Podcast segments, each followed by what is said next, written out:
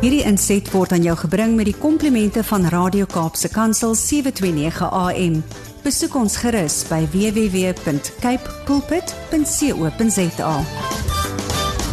The lady that's on the other side of the line is where many of you might still be, or where you wished you still were.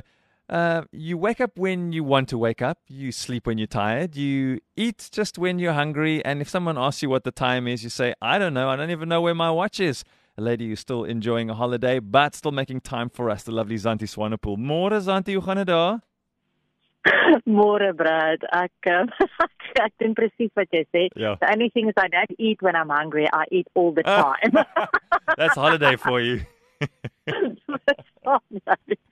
Yeah, seriously, I have to come back to normality, I, I presume.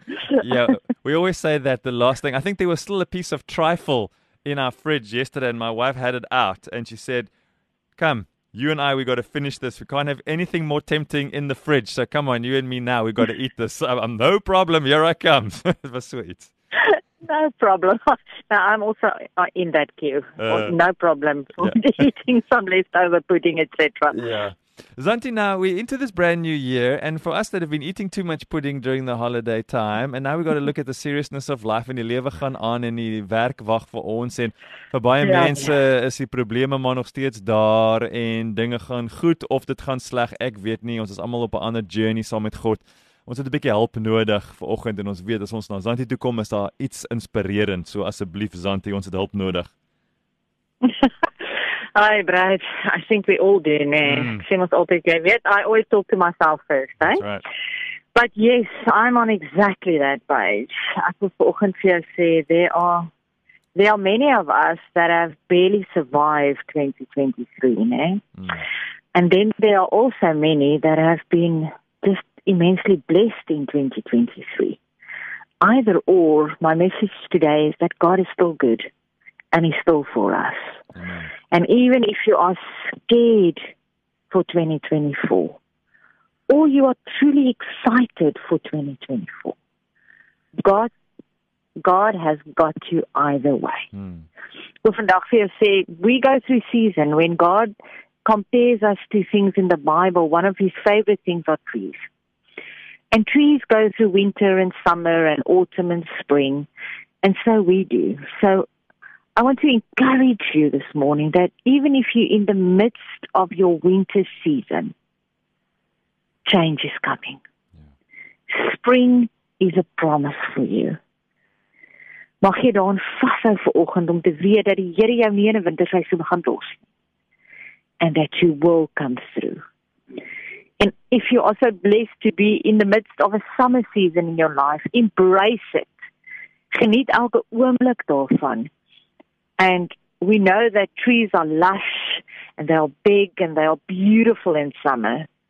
But may you be one of those trees that give shelter and cool to others that might go through a different season than yours.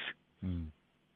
Ek sien 2024 lê voor my en hy lê voor jou bruid en hy lê voor elke luisteraar vanoggend en ek ek kan nie vir jou we don't know. We don't know what this year is going to hold for us. We surely know who holds it in his hands. Yeah. But I love to read things of many, many, many moons ago. You know me, my stories come from the 1800s, the 1900s, sometimes the 1700s. Maar weet jy wat, daar was 'n man wat iets geskryf het, Max Ehrmann in 1927. And it was relevant then, but it's even more relevant today. Mm. Ek wil jou los met wat hy geskryf het. En my het my het ja flame or ignite something in you today that gives you hope for this new year. Because you see God is still God. His word is still true.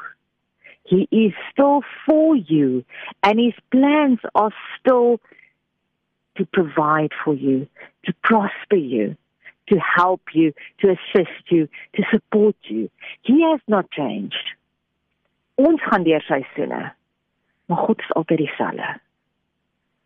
So my blessing for you and for me in 2024 is the following that was written in 1927. Go placidly amid the noise and the haste, and remember that peace is found in silence. As far as possible, without surrender, be on good terms with all persons. Mm. Speak your truth this year, quietly and clearly. Listen to others, even to the dull and the ignorant, for they too have their story. Avoid loud and aggressive persons. They are vexatious to the spirit. If you compare yourself to others, you may become vain or bitter. For always there will be greater and lesser persons than yourself. Enjoy your achievements as well as the plans you make. Keep interested in your own career, however humble, for it is a real possession in the changing fortunes of time.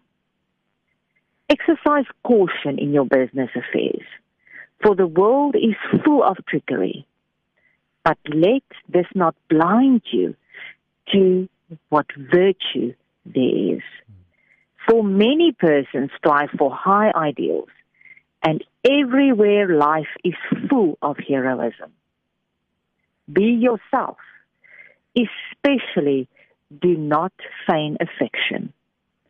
Neither be cynical about love, for in the face of all acridity and disenchantment, it is as perennial as the grass.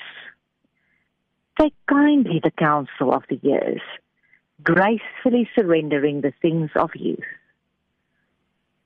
In 2024, nurture strength of spirit to shield you in sudden misfortune. But do not distress yourself with dark imaginations. For many fears are born of fatigue and loneliness. Yeah. Beyond wholesome discipline, be gentle with yourself this year. You are a child of God, no less than the trees and the stars. You have been born to take up your space and play your role. And whether or not it is clear to you, don't doubt that everything is unfolding as it should. Therefore, in 2024, be at peace with God. He is for you. Whatever labors and aspirations in the noisy confusion of life you may have, keep His peace in your soul.